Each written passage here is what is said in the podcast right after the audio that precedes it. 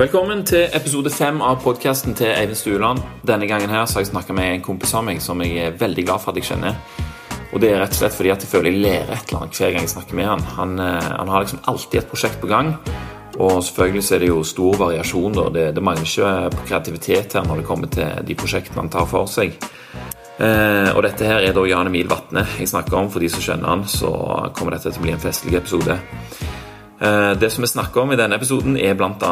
om hvordan du kan eh, lage ganske kraftige batteripakker av gamle PC-batterier, og hvordan du kan bruke gammel frityrolje som drivstoff på, på dieselbilen din. Så hvis du er sånn som meg og ikke vet så mye om motorer og spenninger, og sånne ting, så kan det være at dette her blir eh, riktig så.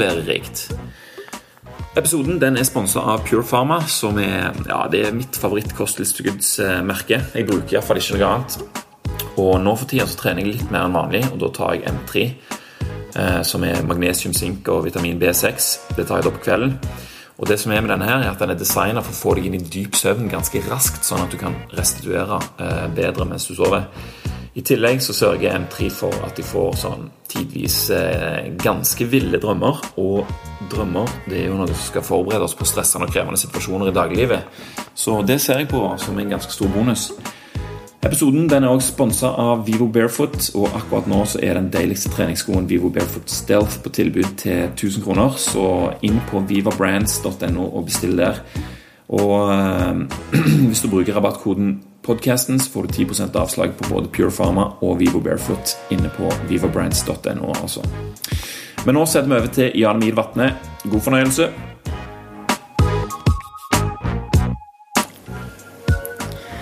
Da befinner jeg meg i hulen til ingen ringere enn eh, Jan Emil Vatne. Mannen som elsker frityrolje, Mercedes 190, og hva mer liker du? Jeg liker, liker forskjellig. Jeg liker jo jeg liker dieselmotorer, og jeg liker frityr. Og jeg liker, jeg liker svarte røyk og ja, og damer. Ja. Veldig greit. Ja. Når jeg skal prøve å forklare litt sånn eh, hvem du er og sånt Jeg har jo kjent deg i noen år nå. Så, så blir det liksom veldig lett å si sånn Ja, det er min, eh, min Reodor Felgen-venn. Som kan eh, litt av hvert kan lage en propell av en ryggsekk og elsykkel som går i Hvor fort gikk elsykkelen til slutt? Den gikk 70. Den gikk 70. Så sånne ting som det syns jeg er veldig fascinerende. Og vi møttes jo um, helt i starten på CrossFit Haugesund uh, når jeg jobbet der. Og da hørte jeg liksom litt Det var noe snakk om noe frityrolje og noe sånt. Jeg skjønte aldri helt hva det, hva det egentlig gikk i da til å begynne med. Og så sa du, sa du det var når jeg kjørte den gode gamle Mercedes Vitoen. Er det du sa dette like som står ut forbi her? Ja, ja, ja. ja han, den drikker frityr, vet du. Frityr, hva mener du med det? Og så forklarte du. Og det, det det er, er altså at du henter frityrolje fra diverse Gatekjøkken. gatekjøkken, McDonald's Ikke nå lenger McDonald's, men Nei, jeg henter fra en del sånn uh, Kitler noen thaidamer litt kan på kaldstarteren, og så får jeg gang på noe olje fra deg, og henter, henter jeg en del fra Amanda Storsenter og litt sånt. Ja. Ja. Og, og da kunne jeg altså Jan Emil fortelle meg at uh, den bilen jeg kjørte, den kunne fint gå på bare filtrert frityrolje. Og siden den gang så har du brakt meg land og strand. Jeg har fulgt jeg vet ikke hvor mange 100 liter det har blitt etter hvert, men det funker helt fint, det. Og det, det som er så kult med det, er at det, det lukter jo eh, frityr når du kommer kjørende. Eller for de som er bak deg, da. Så, eh, så det som er litt interessant å finne ut, er hvordan begynte du egentlig med dette? her? Hva var det som gjorde at du begynte med Det begynte egentlig med at jeg, eh, jeg kjørte Det begynte faktisk med at jeg kjørte Jeg var egentlig ikke klar over Dette her er jo en litt stor greie, iallfall i utlandet. I litt varmere strøk og sånt, så er jo det store greia, dette med frityr. Men det begynte faktisk med at jeg begynte å kjøre på brukte automatgirolje når jeg jobba på bilverksted da jeg var lærling. men, men hvordan kom du på å hive brukt eh, olje på, på tanken? liksom? En dieselmotor er jo en oljemotor, så den er jo lagd for å brenne oljer. Ja, jeg får ikke Eh, forklare litt det. Diesel, eh, ja, altså En dieselmotor er jo en, en, en oljemotor, og han tenner jo ved hjelp av kompresjon og, og varmen som oppstår i når, eh, når eh, motoren komprimerer Ja, så trykket blir så høyt at at, at det blir antent av kompresjonstemperaturen. da. Ja. Og da er det egentlig ikke Det trenger ikke være så viktig hva slags type olje det er. Nei, det er egentlig ikke sant. Det er egentlig sant. Dieselolje er jo en litt lett olje som har uh, har en selvantennelsestemperatur på 220 grader. Og frityrolje den har en selvantennelsestemperatur på rundt 350 grader, så det er litt forskjell. Du får noe senere tenning, og motoren går litt senere fordi at han tenner litt senere. Ja. Nei, han går ikke senere, men du får en litt finere lyd.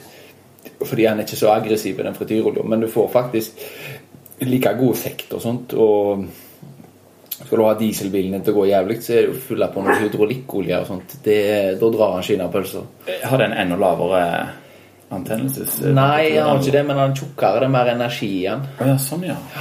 Ja, jeg har sett det på sånn eh, diesel og råolje og sånn, hvor mye kalorier det er per, eh, Ja, per gram og sånn. Så det er det det går på, rett og slett. Ja, så, eh, og det er tjukkest hvis du har skikkelig eh, varming på, på drivstoffet, så eh, kan du kjøre ei skikkelig seig eh, olje. Og da det, går han enda bedre, faktisk. det, ja? Ja. Disse tingene her er jo sånn som jeg aldri hadde hørt om den gangen. Men eh, etter hvert som jeg fikk en, eh, noen liter med frityr på, på Vitoen, så fikk jeg jo rundt på det med aller største selvfølge. Eh, men, men liksom Da hadde jeg jo fått det forklart. Men du, du bare fant, fant noe gammel hydraulikkolje og så heiv det rett på tanken? Jeg begynte med det, og så var jeg på så var jeg og kjøpte kebab, og så sto det et tårn med bøtter. Og bare kebabsjappa, så tok jeg hjem noen bøtter. Ja. Så silte jeg det gjennom noen sokker, og så heiv jeg det på bilen til mor mi. da, Det var jo den jeg kjørte. Silte du noen gamle sokker? Eller nye? Ja, ja det stemmer. Noen, ja, noen gamle sokker. Men det ble jo sånn noenlunde, da, fordi en eh, dieselfilter går jo tettere når en filtrerer det på den måten der. Mm. Sånn at du må skifte eh, ja, eh, to tanker med frityr, så må du skifte dieselfilter. Og det kan være litt strevsomt av og til. Ja, Det er lett for deg, da. Ja, ja, det er jo veldig lett, men, men eh, det er jo fortsatt strevsomt i bunnen av eh, Stavanger og Fjordtunnelen, f.eks. Ja, det kan det Ja, være, ja. ja. Det er jo da du har behov for krefter òg. Og det er gjerne da du merker at filteret ditt er tett. Ja, hvordan merker du det? da, At han begynner å Ja, han går veldig dårlig. Ja. Han går veldig dårlig. Så eh, det er ikke noe, det er ikke noe greier eh, med tett filter. Men, eh, men det er jo problemer som veldig enkelt kan løses da. Ja. Ja, med hjelp av skikkelig enten filtrering eller sentrifugering av olje. Ja, ja for da, da når jeg ble kjent med deg, da hadde du vel syv sånne eh, filter som du hadde på ei tønne eller et eller annet sånt. Ja, stemmer. Og Hva slags filter det var? Det, det var bare noen Det var bare noen filt, noen trinn med filter som eh, Altså, det begynte på 200 mikron for å ta de største største partiklene, og så gikk det ned til, til 75, mikro, 75 mikron, og så Det var bare for å ta det grøvste, og så hadde jeg det Etter jeg hadde silt gjennom det, så lot jeg det stå og settle i noen uker, og så kjørte jeg gjennom dieselfilter, da.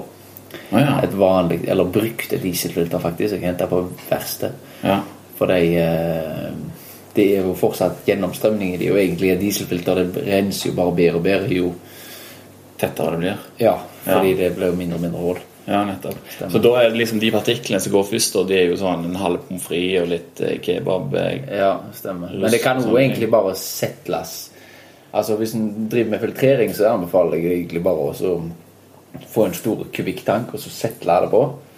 Og så, Det beste er jo å ha, faktisk ha en tank som er konisk i bånn. For da kan du drenere ut driten veldig lett. Ja.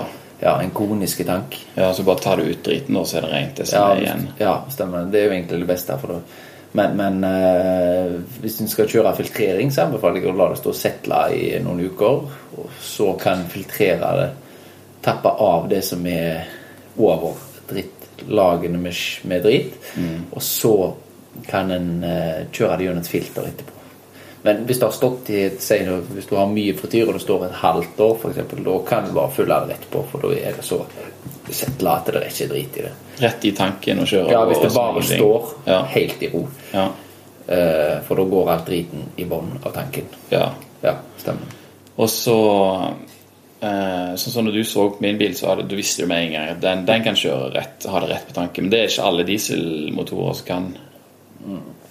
Nei, det er sant, det. altså. Det har litt med hva slags type Hva slags type drivstoffmotor du har, eller hva slags type, nei, hva slags type diesel system en har. da. Hvis en har eh, gammel eh, diesel med forkammer, altså en forkammermotor, det, det er litt eh, kanskje litt teknisk for folk som ikke er noe sånn enormt motorkyndige, men det går ut på at eh, glødepluggen eh, den står inni et kammer som dyser sprayer inn i. Og det vil si at alt som blir spraya inn i motoren, det passerer glødepluggen på vei inn i forbrenningskammeret.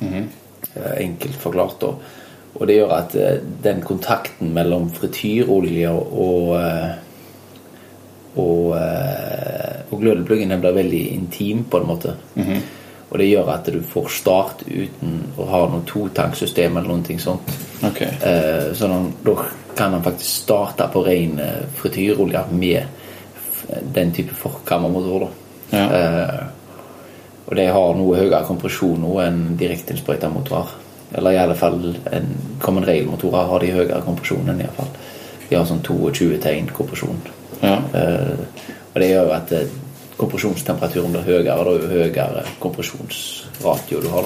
Ja.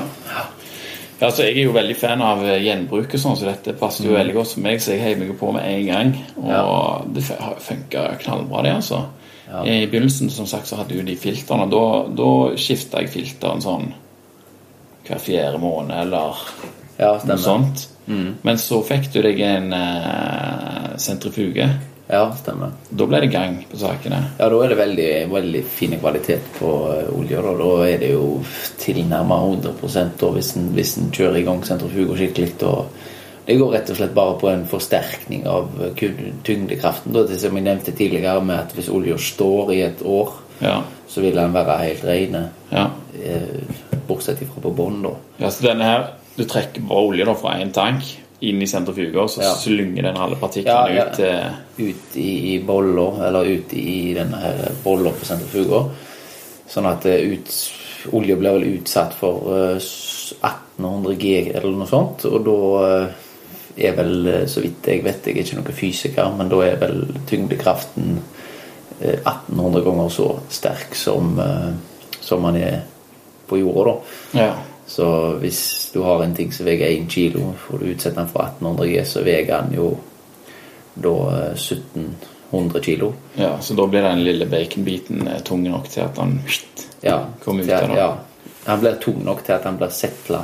Ja. Den settler 17, 1700 ganger fortere da, enn hva den vil gjøre. Ja. Naturlig med hjelp av den tyngdekraften som er på, på jorda. Altså, Ja. altså partiklene. Men det, den, den sentrifuga tar jo kun partikler som er tyngre enn en olje, ja. ja.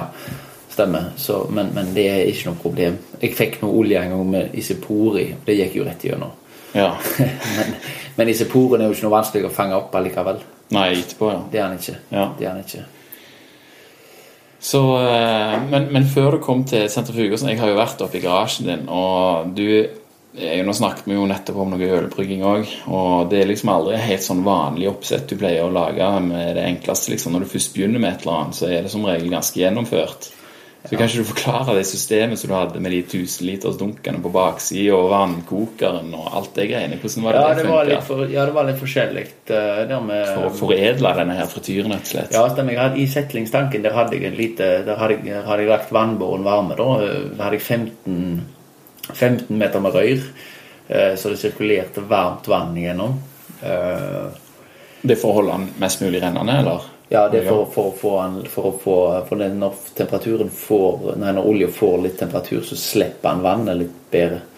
Altså noe av eh, den Spesielt den emulgerer veldig mye vann. Eller, og det vil si at eh, Jeg skal si eh, For å forklare det på litt enkelt vis Majones, f.eks., det er jo emulgert matolje, eller emulgert rapsolje. Ja. Så da blir den litt sånn gulig og seig, og den binder vannet veldig, da, den majonesen. Og det er vel rapsolje som er i majones òg. Og egg. Men, men, eh, men hvis en har ei olje så det er mye vann i, så, og, og det er rapsolje spesielt, da, så vil vannet på en måte Det vil ikke være et klart skille mellom vannet og og eh, og olja. Men, men vannet har en tendens til å emulgere inn i olja, sånn at det blir en sånn majonessjikt imellom. da. Og det er egentlig litt Men hvis en varmer litt opp, så, så slipper vannet olja litt bedre, sånn at det går på bånn. Så begynte jeg iallfall med det da, i den settingstanken. Så ville jeg ikke ha et varmeelement som var direkte eksponert i olja pga. brannfaren og sånt med det. Hvis en hadde tatt en varm... 1000 liter med olje Hvis det hadde tatt fyr, så Ja, det er det. Hvis en får for lavt nivå og det kommer i overflaten, så kan det bli litt skummelt. Så jeg, jeg valgte å legge, legge vannbåren varme. Da, så brukte jeg en varmkoker da, som varmekilde. Der, så hadde jeg en sirkulasjonspumpe. da. Så borte jeg bare hull i sida på vann, vannkokeren, og så hadde jeg en Helt vanlig vannkoker. ja, så hadde jeg bare en vanlig eh, sånn en termostat. Så eh, en bil der starter jo vifta eh, på eh, på 90 grader. Men jeg eh, hadde kobla den termostaten sånn at den skrudde av vannkokeren og kom på 90 grader, så han kokte ikke over. Så han okay, lå ja. på 90 grader da. Ja. Så eh, for, for at han, Men i tillegg, grunnen til at jeg valgte en vannkoker, og da har jeg den siste barrieren Hvis vannkokeren skulle koke tørre, så er det jo det vanlige vernet. ja, nettopp. ja Det slår han ut, så da har du to barrierer på det, sånn Ja. at det ikke skal, skal bli noe utrygt at det koker tørt eller ja. tar fyr. Så når du hadde det her gående i den tanken, da, så øh, noenlunde temperatur, Ja. så hva gjorde du etterpå det? Jeg hadde, da kobla jeg til hadde jeg ei sentrifuge som jeg kjørte gjennom. Og da gikk det ifra sentrifuge Da hadde jeg mat, ei stempelpumpe da, som gir Den sentrifuga er veldig viktig å ha i jevne rater. da. Ja. Hadde jeg ei stempelpumpe med justerbart slag, sånn at den, du kunne velge velge eh, volumet på hvert slag den bompa tok, da. Eller tar. Eh, og da er det jo veldig, veldig lett å justere raten på en sånn pumpe. Så jeg lå på en, en 30 liter i, i timen på den eh, pumpa. Og den mata jo frityrolja inn i separatoren. ja. Eh, og derifra så På utløp på, utløp på separatoren så hadde jeg et eh, ei, tannhjulspumpe som er selvsugende, som gikk på veldig lavt hurtigtall. Da kjørte jeg med i frekvensavformer. Så trykte den det rolig gjennom et filter bare for ordens skyld og for å ta litt sånne isoporbiter og sånn. Men jeg så aldri noe drit i det filteret. da. Og så gikk det videre da, til en tanko som sto på baksida av garasjen med, med med ren olje i. da. Ja. Så den var det bare til å hive rett på? ja, det, så var det kobla til ei vanlig gammel brynepumpe, faktisk. Jeg brukte til å fylle med. da. Brynepumpa? Ja. Hva er det for noe? Ei vannpumpe som ble brukt til de bygdene på Bryne før i tida. Oh, ja, sånn, ja. Ja, ei sånn koselig st- stempelpumpe. da, så ja, det høres ut Når du fylte, eller fyller bilen, så høres det ut som eh, om eh, du starter vannpumpa på hytta og lager litt sånn tuk, tuk, tuk, tuk, tuk, koselige lyd. Ja, det er kos, vet du. Ja. Det er kos. Ja, det er koseligere. Det. Jeg må si det er mye koseligere å fylle opp hos deg enn på bensinstasjonen. Det er en sånn egen følelse når du ser, ser du, Kan du se alt liksom fra olje kommer inn, så ser du liksom ok, nå er de gjennom her, og så har det vært gjennom der, og så shit, nå kan de hive det rett på bilen. Og det eneste du har gjort, er å faktisk hjelpe de folka som eh, har den olja til å bli kvitt den. For de må vel Ja. faktisk betale for å kvitte seg med den. ja, Det det. er jo ikke bare å hive det Nei, tusenvis av liter med, med frityrolje i I sluken. Ja, nei, det er ikke noe greier. Nei, det er ikke noe greier. Det er ikke noe greier. Men så, så i utgangspunktet så er jo det, er jo det gjenvinning, men, men det ville vel blitt brent uansett i et forbrenningsanlegg eller et eller annet sånt? Ja, det vil jeg nok tro. Jeg vil nok tro det at det vil bli brukt til det hvis en, hvis en, hvis en leverer det inn gjennom Ja. til Fransefors eller en eller annen eh, sånn kanal som tar imot eh, Ja. ja, sånn farlig avfall eller Ja. Det egner seg jo veldig lite å ha i kloakken, for det fyller jo opp og tetter igjen. og ja, ja. alt sånn. Og mat for rotter og forskjellig. Da er det bare å brenne den rett i 190-en. ja, det er klart. Ja. Og når jeg sier 190, så er det jo fordi at du er jo hardbarka Mercedes 190-fan. Ja, det stemmer, det. Det har vi jo eh, nå, Det er jo både én og to musikkvideoer med Eller den ene er vel bare med 190, forresten. Ja. Den første. Ja, stemmer. The Mighty 190. Ja, stemmer det. Eh, hvis folk har lyst til å, se hva det, hva det handler om, så kan du gå på YouTube og søke på Mighty 190. Og så kommer det en festlig musikkvideo der. Hvordan, hvordan eh, kom du i gang med det? Nei, det var egentlig bare tull og fjas egentlig med en kamerat. Det, var jo, det er jo mange år siden dette her. Det var jo litt mer eh, Det er jo ikke så eh, bil... eh, Hva skal en si Så bil... om ikke interessert, men da når jeg var sånn 1920, så bodde vi jo i bilen hele kvelden og var ute og sladda og, og holdt på med forskjellige aktiviteter. Og om ikke stakk ifra politiet, men det var iallfall mye Det var mye sånn tull og vas.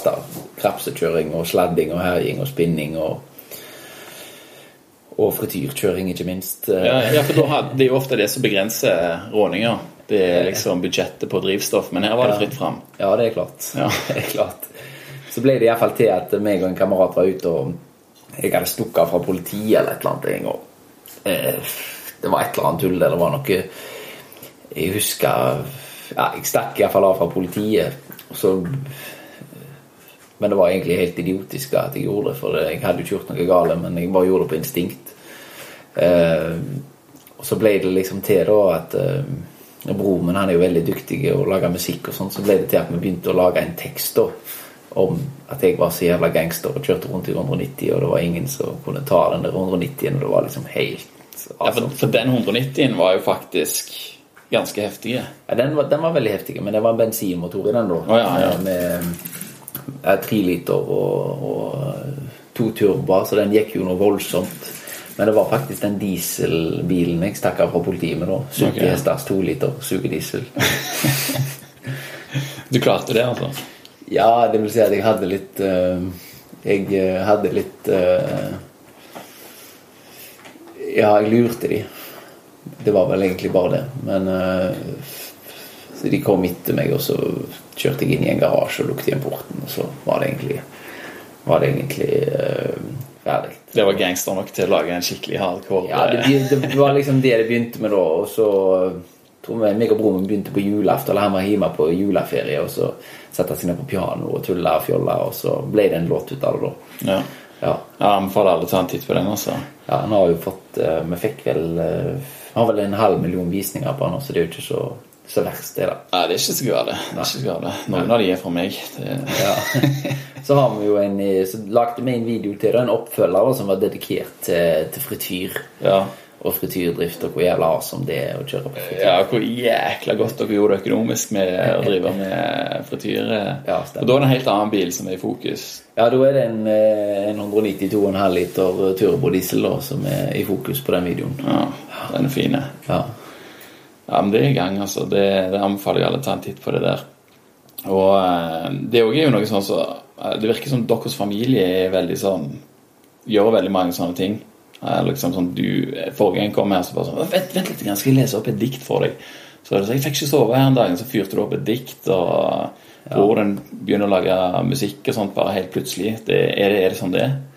Det er litt sånn det, men eh, det kommer an på. Eller det heter noe som heter at ledig gang er roten til alt vondt. Men, eh, men eh, nå har jeg en veldig travel jobb da, og, sånt, og da blir det jo veldig lite tid til sånne kreasjoner. Jeg, nå er jo jeg faktisk så, må jeg jo innrømme det, at det siste halve året så har ikke jeg brent så mange liter frityr, for jeg har firmabil, og jeg bor jo på jobb. Så da, og den firmabilen, jeg har fulgt noe frityr på den da.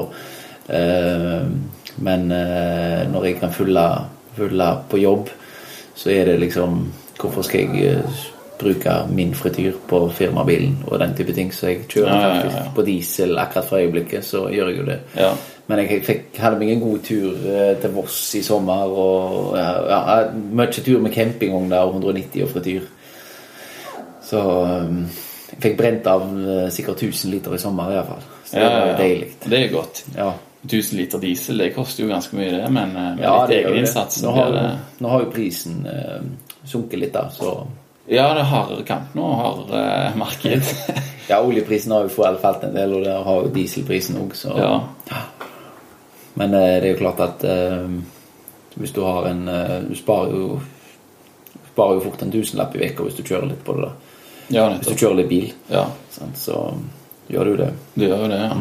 Ja, men det er fint. Eh, Og det er jo ikke det eneste framkomstmiddelet du har tukla med. Eh, Jeg husker også du fortalte en gang at du lagde en sånn ryggsekk med vifter på.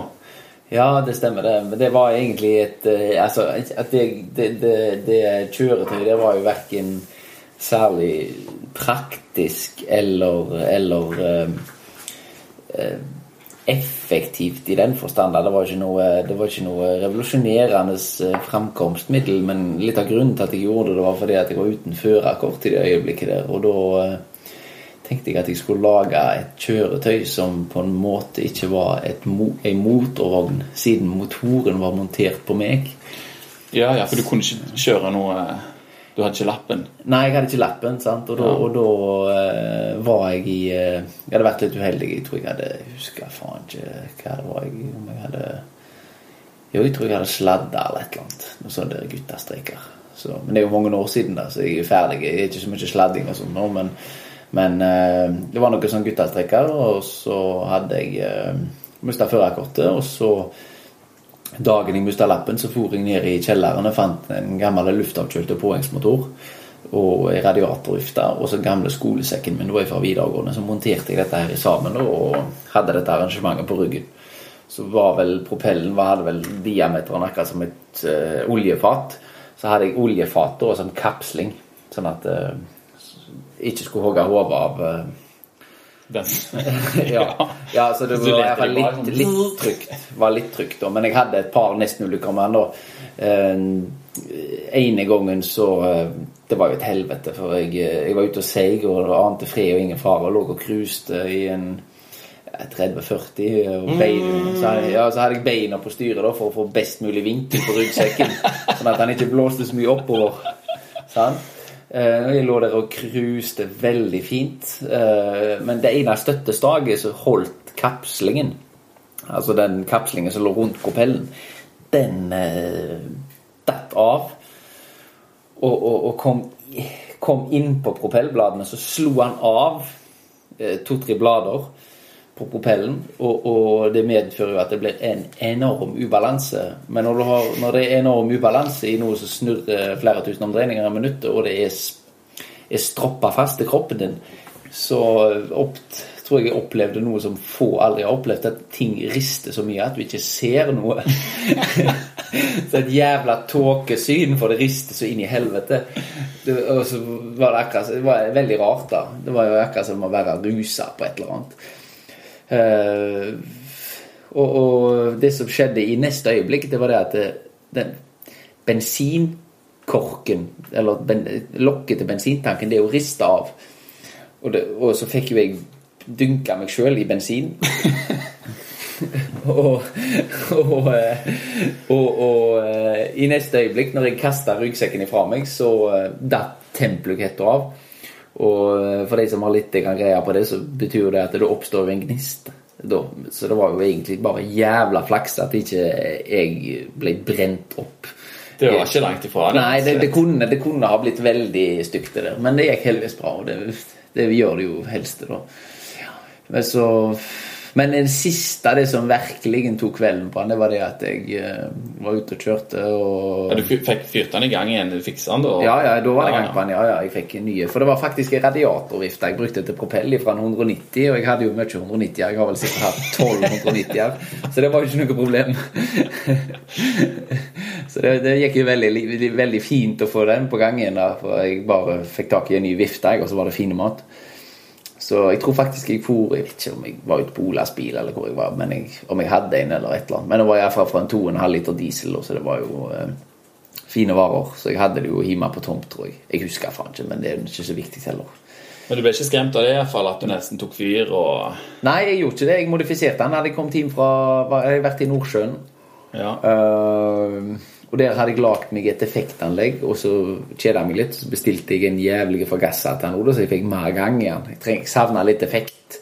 Eh, hva, hva snakker om hva fart eh, går dette her, liksom? Nei, du kan si at på flaten så, så fikk jeg vel en 35-40 gjerne med beina på styret og medvind og hjemlengsel. Mm -hmm. Så det var jo ikke akkurat sånn at det dro skinner av pølser, da. Men det var iallfall en liten hjelp, da. Og det er jo ja, noe med god hjelp, det, da.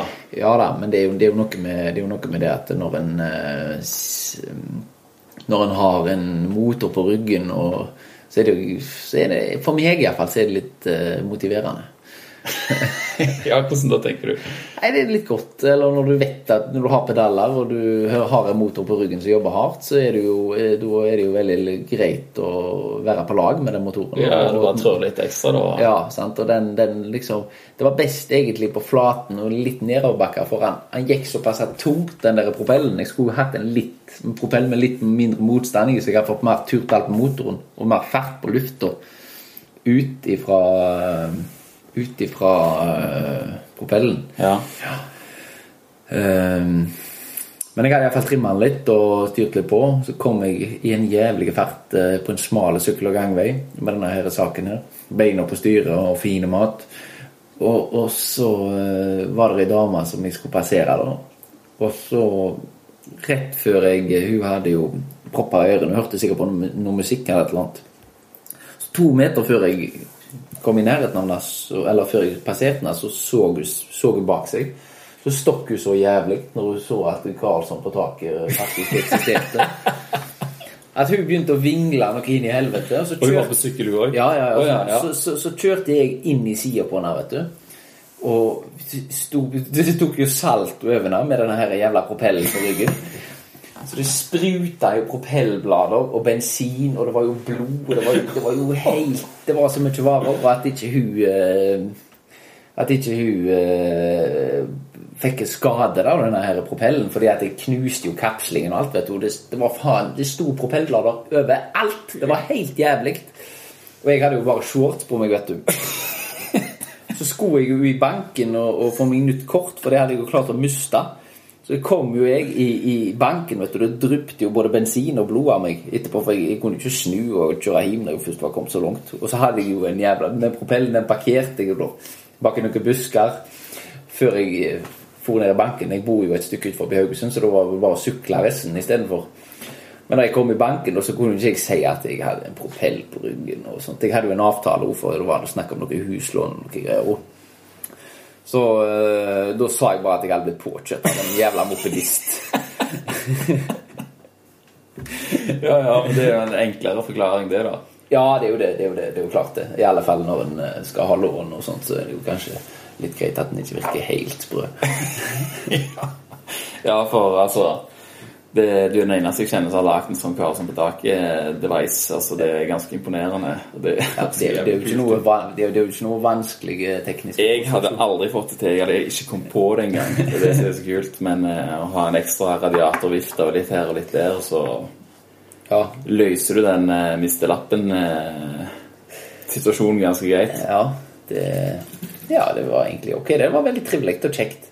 Husker en gang det var påske eller pinse eller noe. Det var jævlig med folk på kaien i Haugesund, og jeg kom sigende med den der propellen. Det var jo helt enormt. Eller, da, da var jo jubla jo folk på kaien. De hadde jo aldri sett noe lignende. Han var jævla trivelig, den propellen nå. Og, og ja, han var voldsomt trivelig, og jeg, jo, jeg tok han jo litt fram og tilbake til byen. og ja, En gang så parkerte jeg han ut forbi et utested i byen. Og denne her, eh, dette her mirakelset, vet du Når jeg skulle inn på, på, på puben, så eh, parkerte jeg denne her. Så sto, når jeg tar den av ryggen, så går han jo fortsatt på full gass.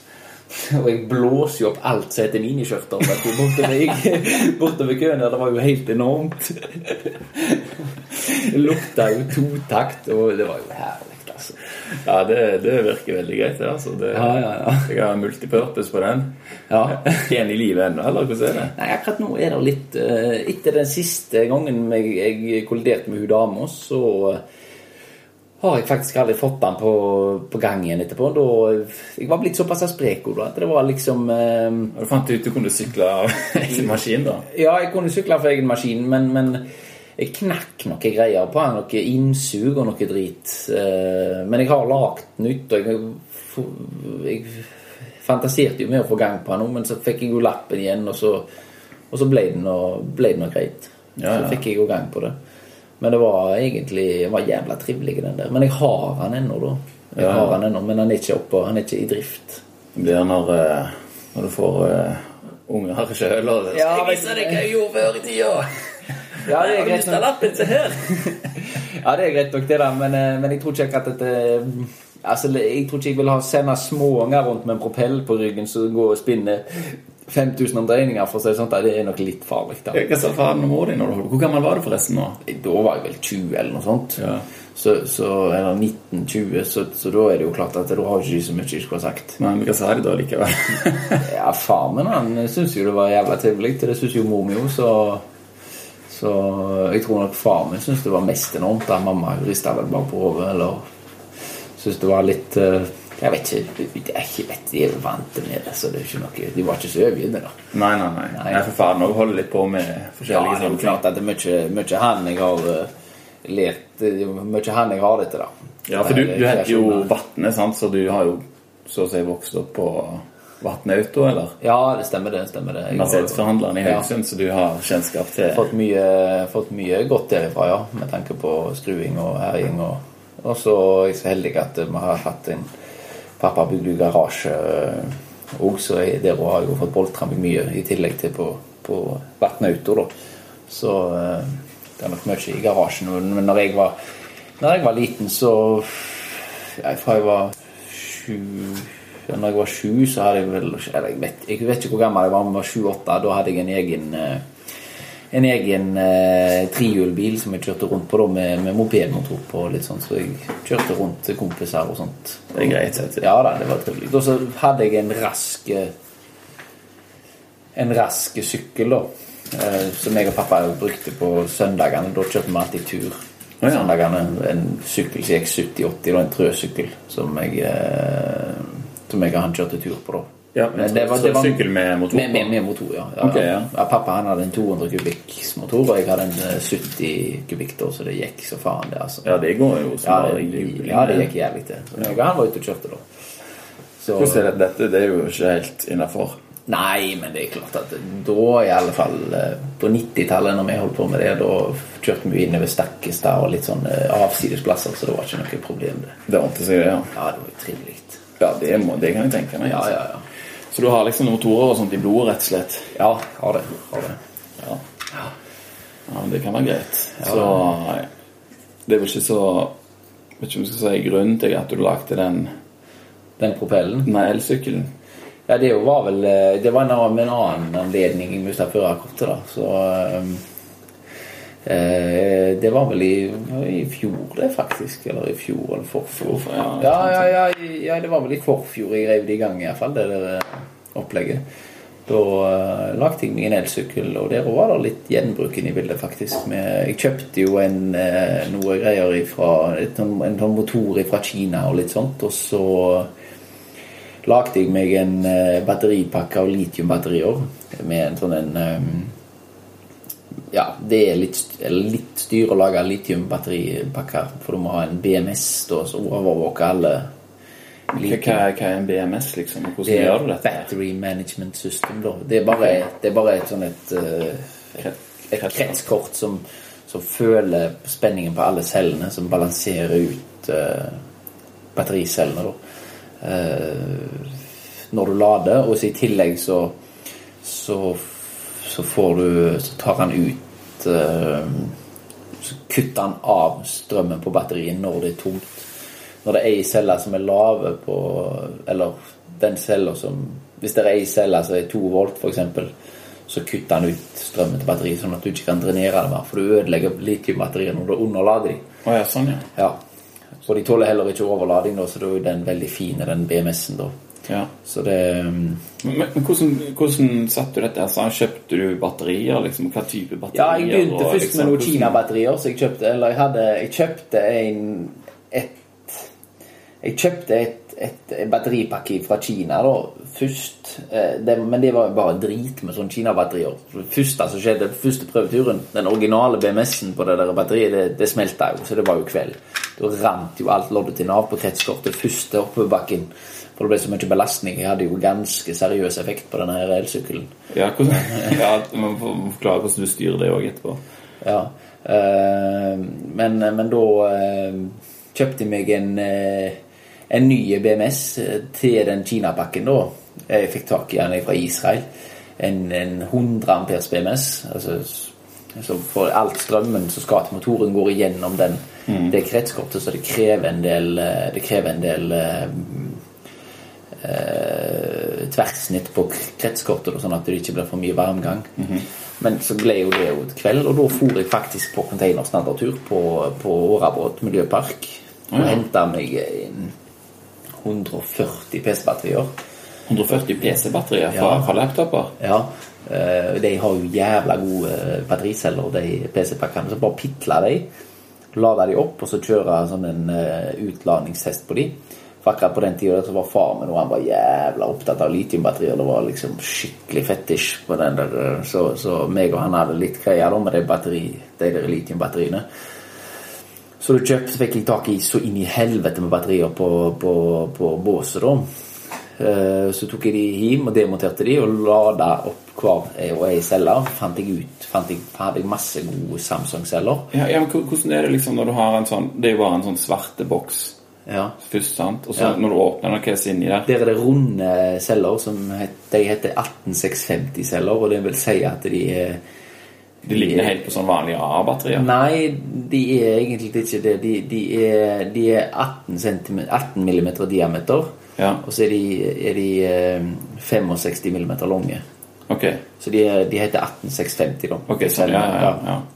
Eh, og veldig mange av de PC-batteriene er jo gjerne bare ei celle som er kveld, eller som ikke virker, og da eh, ja, sånn, ja. da kutter den BMS-en ut. Ja, ja, ja, Da dauer hele batteriet. Eller hvis det ligger lenge og blir underlada, så vil ikke han lade det opp igjen. Så det er ei celle som er dårlig, men det er alltid mange celler som er helt perfekte. Så bare ta de sammen, lodde de i, i lag. Jeg, akkurat der der hadde jeg lagd jeg en pakke så, en firkanta pakke som sto inni rama da, med de der batteriene der. Eh, Men det var, det var jo mye bal der å holde på med det der, det batteripakken der òg, da. Men, men eh, det gikk nå til på et vis, det òg. Men da fikk jeg jo jævla bra batteri. Så varte de det gikk vel litt over to mil, faktisk. Men det er faktisk samme typen celler som står i Tesla og den type ting òg. ja Det er 18650 battericellene. Å ja, det er akkurat de samme batteriene, ja. Ja, men det er jo bare dimensjonen på, på cellene, da. Men, men det er jo veldig mange karakterer på batteriet nå. Ja. Eh, du har jo f.eks. Eh, Tesla, der er der, Uten at jeg skal si at jeg har dokumentert, eller at jeg har noen kilde, kilde Noen sikre kilder, men jeg snakket med en en gang som var med og bygde disse ladestasjonene, og han sa at 20% av batteripakken på Tesla det bestod av sånne verktøyceller som står i boremaskiner og sånn, for de kan levere noe inn i helvete med ampere. Kan drenere eh, over 100 ampere ut av ei celle. Hva, hva vil det si for folk som ikke har peiling på det? Ampere, det, det vil faktisk Det vil si at eh, hvis du sammenligner det med Hvis du har en høytrykksspyler, f.eks., mm. da har du veldig lav ampere, men du har høyt trykk, Ja, men du har lite vann. ja, ja nettopp, ja. Ja, stemmer. Du har høyt trykk, men du har lite vann. Sånn at trykket, det er spenningen på en måte på batteriet. ja. Og, og eh, Men amperen, det er mengden vann eller strøm som renner ut av batteriet. Ah, jeg, jeg lurer på om vi hørte en som forklarte det i forbindelse med sånn eh, strømgjerder til sauer Ja, stemmer. At de har, hva, hva de har mye ampere, men lite, Nei, lite ampere lite og høy spenning. Høy spenning, ja. Ja. Eh, for du får ikke noen Du har romslov, sant. Eh? Du har ja, P Eller iallfall effektloven, så P er lik U gang I. Altså Power er lik eh, ampere ganger spenning. ja. Eh, og det vil da si hvis du har jævla liten ampere med i det regnestykket der, så blir jo effekten så liten at det er ufarlig å få støt av det. Ja, selv om det kan kjennes eh, veldig godt. Kjennes veldig ut, men det er så lav effekt eller så lite Mm. potensial i den strømmen du får, at, at, at du, eh, du vil kjenne det, men det er Mye volt, lite ampere. Ja, det er lite, det er lite ampere, og det er veldig liten effekt. Det er jo, Ja. det, det, er jo det alt går ned til. At effekten er så lav at den ikke kan ikke skade kroppen din. Ja. Sant? Så det var det du gjorde omvendt her, da? At du fyrte opp amperen Ja. på Ja, ja, jeg brukte, jeg brukte det var vel, Vi var vel inne på dette med batteripakken til Tesla. Det er jo litt avansert, da.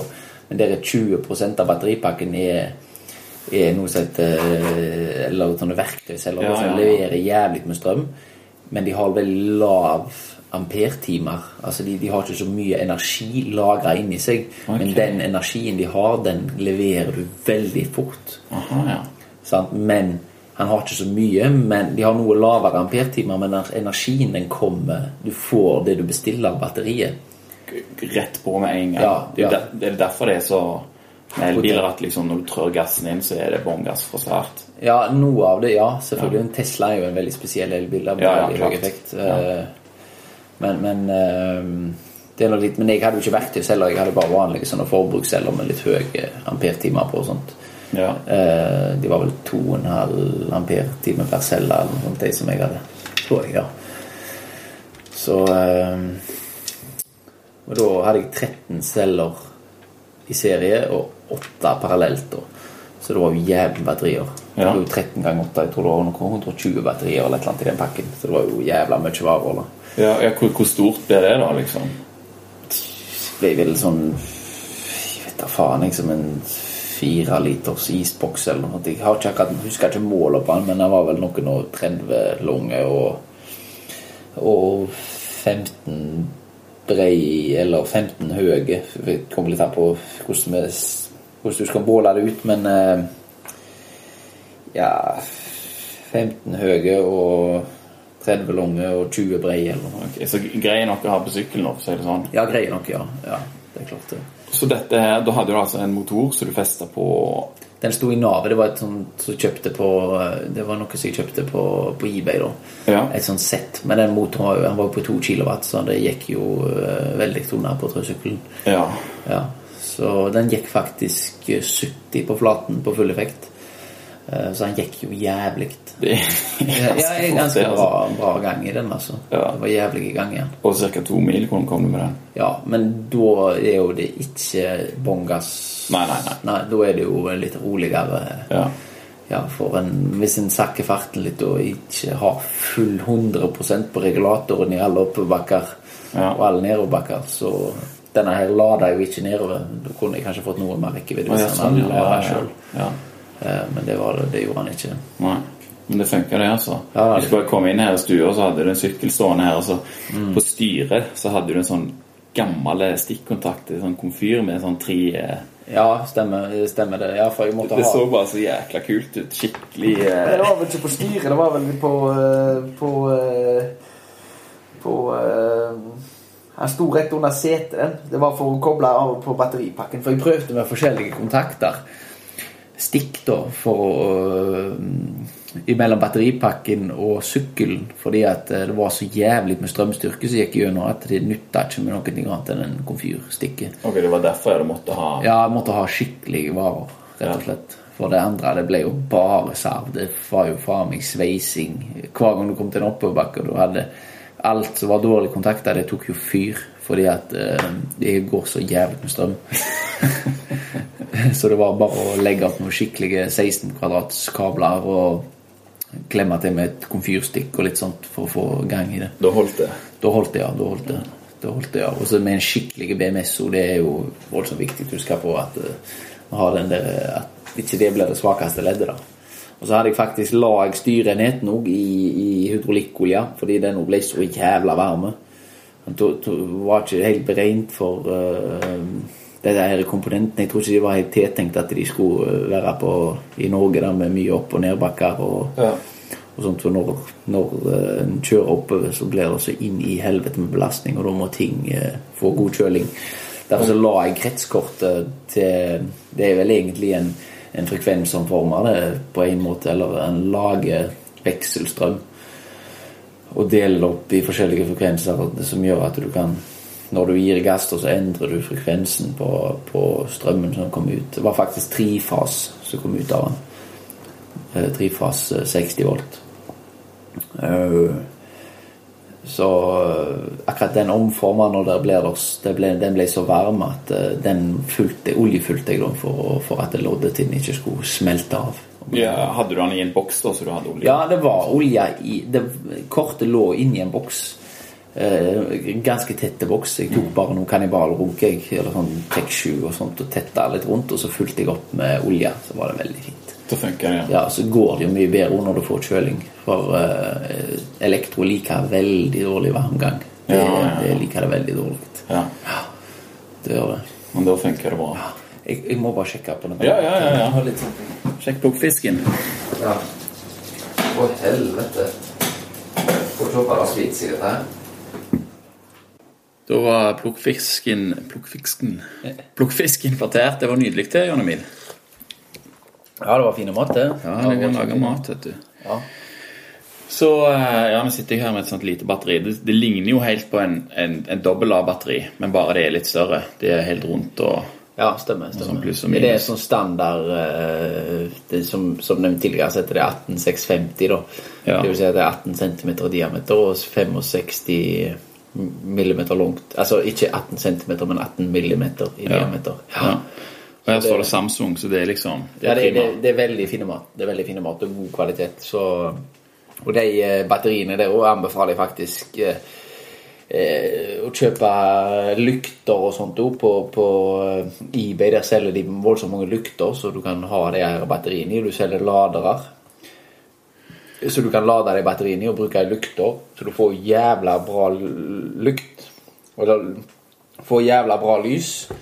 Og, og, eh, og hvis en bruker jævla bra batterier òg, så varer det jo jævla lenge. Og, og, og i tillegg, når, det er, når du har vært på containersnatur og funnet brukte batterier, så er det jo jævla billig. Ja, da har du det liggende. nå. Jeg digger sånne ting. altså. Ja, jeg har bygd nesten et helt drivhus jeg nå med bare sånn som jeg henter på Ja, det er jo veldig fint med containersnatur. Det er så herlig, altså. Ja, ja, ja. Så, så det, det, det er sånne ting som jeg syns folk bør gjøre litt mer av. Altså, for det, faen, det er faen meg helt sjukt hva som blir kasta, altså. Ja, det er mye bås som går Jeg var oppe på, på tippen vet du, og skulle lempe noen vinduer. Sånne to meter høye vinduer. vet du, Ja. 1,50 breie. Så jeg skal ha i fronten på drivhuset med eh, doble glass sant? og, Ja. og aluminiumsrammer. Så de er jo helt vedlikeholdsfrie og helt konge, ja. vet du. Så sto jeg der og le- lempa de greiene der. Så kommer der, eh, kommer der noen eh, arbeidere på Så har sikkert holdt på å puste opp et hus eller noe sånt og bytta ei sånn skyvedør Ja. som vanlige til å ha i, i, eh, i stua, liksom. Til terrassen. Ja, stemmer. Kom de bare der, stoppet, hei driten i containeren, og så for de igjen. Den var jo helt fin. Så jeg var oh shit, denne her skal jeg ha. Så ringte jeg til svigers, da. Han, han sa han jobber jo på hver plass der de har tilgang til litt sånn store biler, sånn, så bare opp med den, hiv den inni, kjører den rett hjem.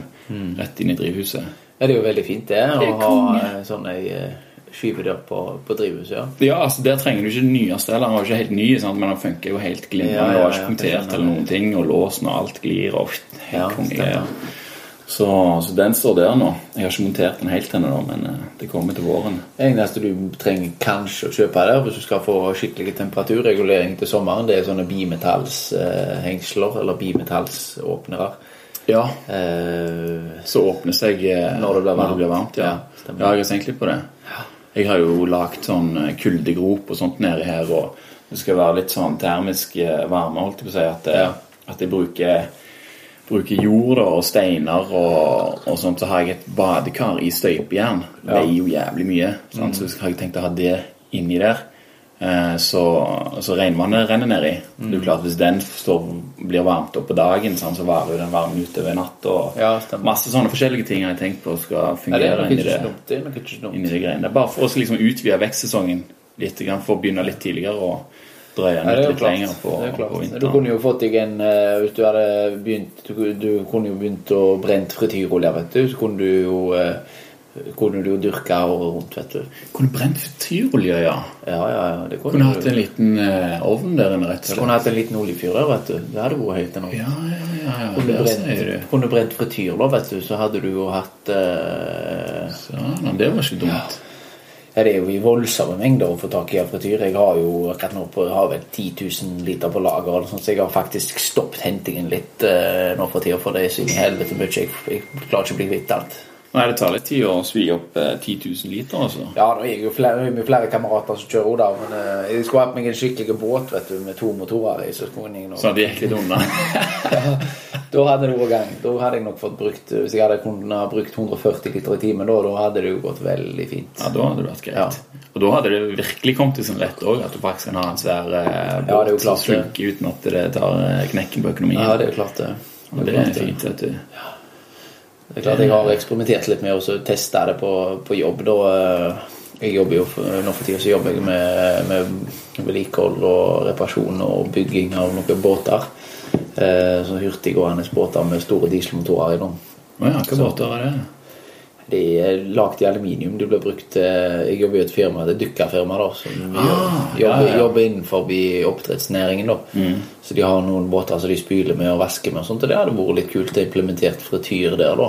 Kanskje. Ja, der er går det jo kult. veldig mye. Jeg tror det går vel en plass mellom 50 og 70 000 liter i måneden. Ja. I ja, for det er jo sånn som sånn som du sa, at eh, det er jo populært i utlandet. Jeg tror jeg leste at eh, i, i Storbritannia så kjører McDonald's alle sine biler på egen frityr. Ja, det kan nok stemme, det. det, kan nok stemme det. Og det har vi jo litt med Vi spurte jo kanskje litt av tidligere i forbindelse med den uh, frityren. Uh, for det som jeg ville si, det er jo det at en, en, det er jo noen biler som kan kjøre originalt uten at det er noen problem, men, men de aller fleste går det an å bruke frityr på med relativt lette modifiseringer en drivstoffvarmer og kanskje et totanksystem hvor da sier du har eh, Noen har jo en egen frityrtank bak i bagasjerommet, men jeg foretrekker på de bilene som jeg har bygd, så Eller, eller så, så er det vel kanskje å foretrekke å ha en, en, en liten dieseltank bak i bagasjerommet på 10 liter, så du bare stopper tanken med diesel. Stopper bilen på diesel. Ja, ja, sånn at dieselen er det som får den i gang igjen, og så Ja. går du over på frityren når det blir varmt. Rett etter du har startet den, så er det bare å hive over på frityren. Eh, for da er jo motoren i gang, og da, tar det fyr som faen. Ja, ja, for det, jeg husker du fortalte at eh, du hadde kommet over et svært parti med, med palmeolje. Og det er jo eh, en del mer eh, metta fett i som stivner mye fortere. Ja, stemmer. Så da, Da må du ha heating, skal du kjøre på det. da må du ha Heating eller Heating, ja, varming. varming, ja. varming, ja. Jeg husker du fortalte du hadde reist til Vågsly Ja, vintersdag. Ja, stemmer. Jeg hadde en spontantur. eh, Det var vel til, Hovden, var det vel, tror jeg. Eller nei, det var til Vågsli. Men så kjørte vi til Hovden, og jeg vågte jo ikke å stoppe bilen. For jeg hadde jo ikke planlagt at jeg skulle til fjells, så da hadde jeg ikke fulgt palmeolje. da. Du hadde ikke, du hadde ikke fulgt raps? Nei, jeg hadde ikke, ja, jeg hadde ikke fulgt palmeolje hvis jeg visste jeg skulle til Å, ja, sånn, ja. Ja, ja. Da hadde jeg nok kanskje spedd opp med litt diesel og litt rapsolje eventuelt. Mhm. Men da kom jeg opp der med fulle tank eh, med palmeolje. Jeg hadde jo så mye palmeolje på den, så hadde jeg med meg litt palmeolje. òg. når jeg først hadde det på, så kunne jeg like godt bare ha den. Men da hadde jeg jo gang i bilen da, hele helga fra, fra torsdag til søndag. Men det som var litt eh, festlig, da, det var når jeg eh, parkerte bilen på skitrekket. Og rett attmed barnetrekket står jeg der og gjør meg klar og sklir på meg dressen og hiver på meg slalåmstøvlene og litt sånn, så hører jeg bare noen unger da 'Pappa, pappa, det lukter pølser!' og det var jo selvfølgelig lukt fra 190 minutter, så hadde jeg trukket borti barnetrekket og frista ungene litt med, med lukt. Ja, ja, men da ble det omsetning i varmestua den dagen der. Satsa på det. Satser på det, ja. Ja, da, Det er det, glimrende. ja, veldig fint. For da holder han jo varmen i drivstoffet, for han sirkulerer jo drivstoffet veldig mye da, når motoren går. Ja, nettopp. Så det går bak i tanken, så hele tanken er jo veldig varme. Ja. Jeg husker du snakket om tidligere også at du hadde noe metanol, så du blanda ut i det og sånt. Ja, men det var, ja, for jeg, eksperimenterte litt med å lage biodiesel. da. Eh, Det har jo ca. samme egenskapene som petroleumsdiesel med tanke på tenntemperaturer og, og, og flyteevne. Altså, det stivner ikke så fort Ja. når det han er kald. da. Så den er enda tynnere enn dieselen. sånn, For for jeg merket når det var kaldt, så var det liksom, ok, det var litt vanskelig på startbanen, så heiv vi på en 10 liter med diesel, så gikk det Ja. mye greiere. Ja, så det blander seg liksom ut. Ja, stemmer. så den gjør det mye tynnere, den da. Ja, den, den endrer du, du, Det som er at en eh, Du har vel en 10 metanol i. Jeg fikk tak i noe metanol av en kar som drev med noe dregstoff og okra. For det er jo ikke, det er jo ikke eh, salgbart over disk i Norge. Du får kjøpt det. Det, det, det er det som er god gammel tresprit, rett og slett. Ja, så du blir stemmer. blind av hvis du drikker og Ja. dauer etter hvert. Og... Stemmer, men jeg fikk tak i det. Du får jo eh, Du får kjøpt det hvis du driver med eh, enten petrokjemisk industri eller, eller noe kjemisk industri. Du har dokumentert behov for å kjøpe det, Ja. så får du kjøpt det. Og det er ikke så dyrt heller. Men det er 10 av det da, som en blander det ut med kaustisk soda. Har en fem gram liter kaustisk soda i. og så blander det i metanolen, og så varmer den opp frityren, og så tilsetter metanolen i, eh, i frityren, og så riste, enten riste eller la det sirkulere. Da. Altså jeg hadde jo lagt jo Blanda det rett og slett. Stort, ja, så jeg lot det sirkulere veldig godt med pumpa. Så blir det akkurat som en sånn såpeaktig deig. Deig, ja. Ja, det, ja, ikke deig, men det blir akkurat som i sånn ei vaffelrøre. Ok, ja. Han er litt tjukk, altså. Ja, ja, da når du gjør det, og så, skal, så står det i to-tre dager, så settler det seg på bånn. Så blir det såpe, det som er på bånn. Vanlige såper. Ja, du kan bruke det til såpe, ja. Ehm, og du, han trekker noe greier ut av akkurat det. Det sies at den, det er en katalysator eller et eller annet, den der eh, metanolen. Jeg vet da faen, jeg, jeg er ikke noen kjemiker. Men, eh, men iallfall så trekker han eh, ut noe stoff ut av olje og endrer strukturen på han. Gjør at han blir veldig tyntflytende og mm. lukter helt annerledes. Ja. Eh, så da etter en har tatt Tatt av det som er på toppen av karet, da, det som er biodieselen, da, så tømmer en vann ut av det for å vaske ut den siste delen av såpa. Og da er det ikke sånn at rapsolje, for eksempel, hvis du lager biodiesel av rapsolje, så trekker han ikke vann lenger. Da er han akkurat som petroleumsdiesel. Og han er metta da, liksom? Nei, det er et eller annet, han suger det ikke til seg på samme måten. Okay, ja. Så du kan bare tømme vann gjennom den, og så vasker du ut siste delen av såpa. Og så drenerer du av vannet på bunnen av tanken, og så er det fine biodiesel. Resten. Ja, Eventuelt hvis du skal ha den 100% fri for vann, så må du varme den over 100 grader for å dempe det av. Mm.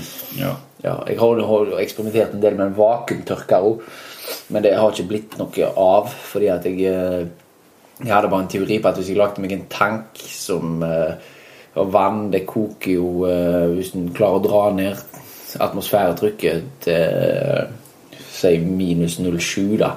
At en har kun 0,3 bare atmosfæretrykk. Så vil kokepunktet gå veldig kraftig ned. Ja. Og da drar en ut vannet mye lettere Ja. med mindre temperatur. Ja, ja, ja. Så jeg, men jeg, det ble ikke noe av. Jeg hadde en liten, jeg hadde en liten eh, periode der jeg eh, holdt på og eksperimenterte litt i liten skala, der, men det ble ikke noe mer. av. Jeg gidder ikke. Jeg pleier å si livet er langt, så du vet jo aldri. Plutselig så tar du opp igjen. Ja, det er sant. Men eh, nå i det siste så har du holdt på med noe som jeg har begynt å interesse- interessere meg for. Det er jo ølbrygging. Ja, det er klart. Ja, ja, ja. Det er voldsomt trivelig. eh, Det er trivelige greier. ja. Jeg er jo ikke så proff for det. Er nesten Jeg vegrer meg for å si dette er andre folk som bruker, men jeg har jo brukt sånn eh, eh, Hva det heter det? Maltekstrakt. Maltekstrakt, vet du. Men det funker jo, det òg, da. Og det er jo veldig hyggelig. Og den der eh, et par kompiser og flasker og litt sånn. Det er veldig Ja, kjekt. ja, det er jo veldig trivelig. Men eh, hvordan er det du eh, kjører er showet? ikke noe sånn det, eh, det er vel sånn som de, de aller fleste amatører holder på. Nå skal ikke jeg akkurat si at jeg er noe voldsomt uh, dreven i faget, jeg heller. Har vel hatt en uh, Jeg vet da faen hvor mange uh, bruk vi har hatt. En, en eh, fire, fem, seks eller noe sånt. Jeg husker ikke. Med, kanskje fordi at jeg var full og i brygga, men eh, Det blir fort sånn. Eh, Så der er det jo vi Vi kjøper jo ferdig oppmalt malt med og sånt som eh, Ja. Jeg har ikke egen mølle og sånt der, men de kjøper, nei, nei, kjøper, kjøper oppmalt malt, og så mesker det da med i en sånn en kjele, da, en sånn en ølbryggekjele som har kjøpt. Det er jo blitt veldig populært. Dette er jo en, blitt en skikkelig trend. Ja, ja, Så ligger det og mesker på eh, 65 grader. Altså, det vil si at den sirkulerer vannet gjennom kornet. Du har en innerkjele da, i, i denne her eh, gryta som du brygger øl i. ja. En innerkjele med perforert bånd eller hullete bånd, så sirkulerer du varmt vann over kornet hele tida, sånn at du får trukket ut all, alle varene da. ja. Hvor lenge må det stå? 90 minutter. Å, er det ikke mer? Nei. Å ja. 90 minutter på Ja. Og så etterpå så løfter den opp innerkjelen i bryggeren og tømmer over varmt vann. Ja. Sånn at du får, får ut det Siste. siste som, som, eh, som ligger inni i malten. da For det Ja. trekker jo veldig mye. Ja. Så er det bare å få, eh, få det på gjæring. Så er det jo selvfølgelig til å koke det i sånn rundt 90 minutter. Tilsette litt humle og litt sånn. Ja. Og så er det å få det på kava. Men da ifra du har kokt, og etterpå det så er det jo veldig viktig å være veldig ren. da. Ja, ja, ja. At alt er veldig rent og sterilt og sånt. Ja. Så øh, Men det som jeg faktisk er mest eh, når dette her har og sånt, så jeg har en fryseboks da med varmekabler i. Eh, Ja, det, det, her det kommer inn i bildet. For jeg, jeg har bare sånn plastikkdunke, så hiver jeg det Ja. på det, så setter jeg det på en plass. Ja, og det er noenlunde temperatur, og så er jeg knallfornøyd. Men der, eh, der kommer du med sånn Reodor Felgen igjen. Ja, stemmer. Um, Det var med en, en, um, en fryseboks. Det var faktisk en kompis av meg som kom med ideen, så det var veldig, veldig god idé, da. Men uh, der er det, har vi lagt uh, som vanlige golvtermostat som er på badet, varmekablene. Ja. Har vi lagt varmekabler rundt fryseboksen, inni på veggene. Uh, og så en sånn golvtermostat, så vi kan sette temperaturen eksakt til det vi vil ha den. Ja. Når du har veldig stabil og fin temperatur. Så har jeg ei vifte som sirkulerer litt lufta inni, sånn at det ikke blir så mye varmere på toppen enn på bånn og sånt. Ja. Og så eh, er det setter jeg de karene da nede i fryseboksen. da oh, ja, sånn, ja. ja, Ja, Så det er ikke ja. inni selve fryseboksen. Ah, ja, da er jeg med. Ja. Ja. Ja, så det er bare for å ha jo- og fine temperaturer. Da den, den kan jo stå ute òg. Ja, ja, den har en solid buffer, den, da, i Ja, når jeg har kokt jævla mye, så har jeg, har jeg hatt gjæringskar inni leiligheten òg. men da har jeg kobla meg på utblåset til sentralstøvsugeren Gjerlåsen, sånn at jeg slipper den jævla Ja, lukta inne. den var ikke dumme. Nei. Den var ikke dumme. Så jeg kobla meg inn på sentralstøvsugeren, jeg. Ja. Eh, Får ut av huset, ja. ja. Mm, to gjæringskar rett inn på sentralstøvsugeren. Det er jo helt enormt. Lukta ingenting. Det, må, det var helt genialt. For det er jo det som er Mm, Det er det som er driten med liksom. Det, Koselig å stå og gjøre inn i stua. Så hadde jeg bare en sånn blank 12 mm slange, og så gikk det rett ut. Veldig fint. Ja, det skal jeg faen meg gjøre. Da kan du ha det stående hvor som helst, da. Ja. Det er jo Ja. ikke så populært å ha det stående i stua. Sånn. Nei, jeg hadde det i stua, ja. Veldig Ja. fint. Veldig fint, det, altså. Det var ikke noe problem i det hele tatt. Nei. Så eh, Det kommer an på om du har sentralstøvsuger eller ikke etter det, men jeg kobler det inn etter, etter eksosen. Men det er jo et lukka system, det der greiene, så eh, etter utblåset på, på eh, sugeren, da, eh, så hadde jeg jo på en måte eksosen, eller utblåset til støvsugeren, var kobla av. Ja. Så du Sånn bare det, det kunne ikke gå liksom. tilbake igjen Det kunne ikke gå tilbake igjen gjennom sugeren Mm. og ut, liksom. Men nå er det ikke jeg så jævla ivrig med den støvsugeren heller. Men om jeg bruker den eh, Du vet hvordan den virker. ja, Jeg vet hvordan den virker, men jeg er ikke så ivrig med den. Det er jeg ikke. Det er jeg ikke.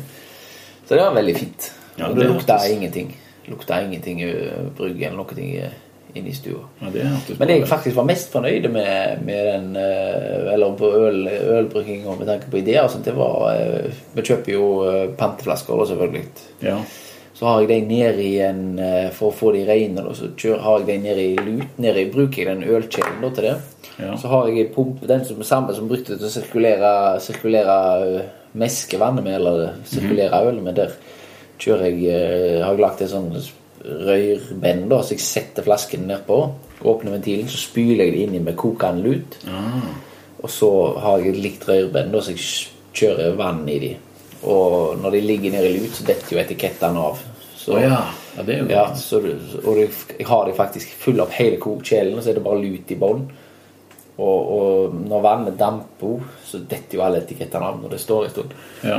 Så det er jo veldig fint. Og når en brygger jo Sist gang jeg flaske, så hadde jeg vel meg to, to kvelder på rad, og da var det 350 flasker med, øl, så da eh, det er det greit å ha litt skikkelig system på den eh, flaskevaskinga. Ja, ja, ja. det går litt unna. Ja, for det det- det, tar tid. ja, ja, ja, men nå tok det tar jo 300 flasker på en kveld med det systemet der, i hvert fall hvis en er noen mann. Kan, ja, dette, her, dette her kjenner jeg at jeg må være med på en gang. Ja, Så det var veldig fint. Ja, Det må jeg være med på. altså Det hørtes jo helt genialt ut. Ja. Vi, står, vi står jo bare og vasker de vanlige, holdt jeg på å si. Med kost. Ja. Ja, det er ikke noe Ja, det er jo gjerne vi, vi la jo ikke 300 flasker, det blir mer sånn 50. Ja, stemmer. For 300 det hadde blitt, blitt en lang kveld. Ja, det er klart det. det, er klart det. Men det er nå greit å få, gjort det Ja, så kjører vi tre er gang. Det er først lut, og så er det vann. Kaldt vann. Da vasker vi vekk luten. Så, Og så etterpå så kjører vi oss som Starsand, Starsan. da. Ja. Sånn desinfeksjonsmiddel. Ja, ja, ja. ja. Stemmer. For, eh, og så renner det av seg, og så er det bare rett på. Men vi kjører jo alltid Jeg begynner alltid kvelden jeg, med flasking med en uh, skitne flasker. Eh, så vasker de med tre-fire mann, da, for vi er jo fem mann som holder på med den brygginga. Ja. Vasker jo flaskene samtidig da, så det blir tappa. Sånn at det, en, Ja. det blir et samlebånd. da Ja, ja, ja. Jeg har gjort det alene en gang og en kveld, men det var jævlig mye arbeid. Ja. Det Men det gikk på en kveld, det òg. Ja, ja. Tappa flaska 50 liter. Så det er 50, 50 ganger 3. Det går jo tre flasker på literen. Så Ja, ja, ja. Det blir litt mye ball. Ja, det blir det. Men det går jo. Ja, da, det det. Belønninga er jo solide. Han er jo det, han er jo det. Men det blir, det blir litt mye putling og drikking med, med alkohol. Eh, ja, med øl når du, når du brygger sjøl. Veldig, veldig lett å ta seg øl. Ja, det Smake litt på den. Og, merker det jo sånn Jeg må sjekke om eh, karbonering, hvor langt det har kommet. Og det sånn, Nei, det var ikke så langt, men eh, nå er jo den her åpen, så ja, det er sant, det. er sant det. Jeg fikk meg en liten Jeg hadde brukt en litt sterk en eh, nå, Eller vi hadde brukt en sterk en som heter Brown Ale, og som var 8,- 7,8 prosent eller et eller annet.